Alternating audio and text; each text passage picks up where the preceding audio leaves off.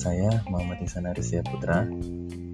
Kita akan melanjutkan pembahasan nilai-nilai aneka selanjutnya, yaitu tentang etika publik. Etika publik merupakan refleksi tentang standar atau norma yang menentukan baik atau buruk, benar atau salah perilaku, tindakan, dan keputusan untuk mengarahkan kebijakan publik dalam rangka menjalankan tanggung jawab pelayanan publik. Etika publik yang saya terapkan di satuan kerja saya antara lain, pertama, yaitu menggunakan barang-barang kantor sesuai dengan kebutuhannya. Ingat, itu barang kantor, bukan barang pribadi. Kedua, yaitu efisien dan efektif dalam menyelesaikan pekerjaan, sehingga pekerjaan dapat selesai dengan tepat waktu, apalagi di bagian keuangan.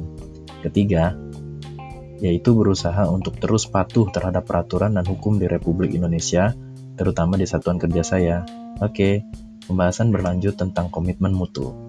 Komitmen mutu merupakan pemahaman pemahaman konsep mengenai efektivitas, efisiensi, inovasi, dan mutu penyelenggaraan pemerintah.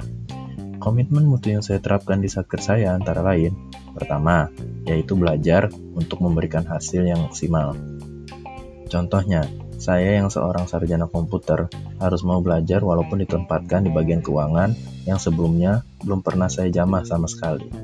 Yang kedua yaitu memanfaatkan memanfaatkan jam kerja untuk hal yang sesuai dengan tupoksi kita sehingga hasil pekerjaan maksimal.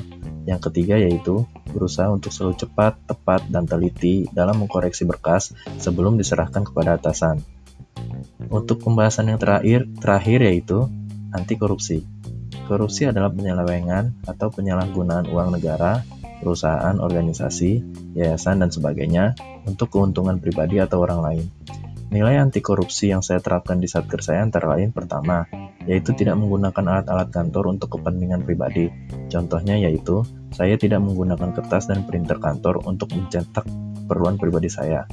Kedua yaitu terus meningkat, meningkatkan iman dan takwa kita agar terhindar dari niat buruk.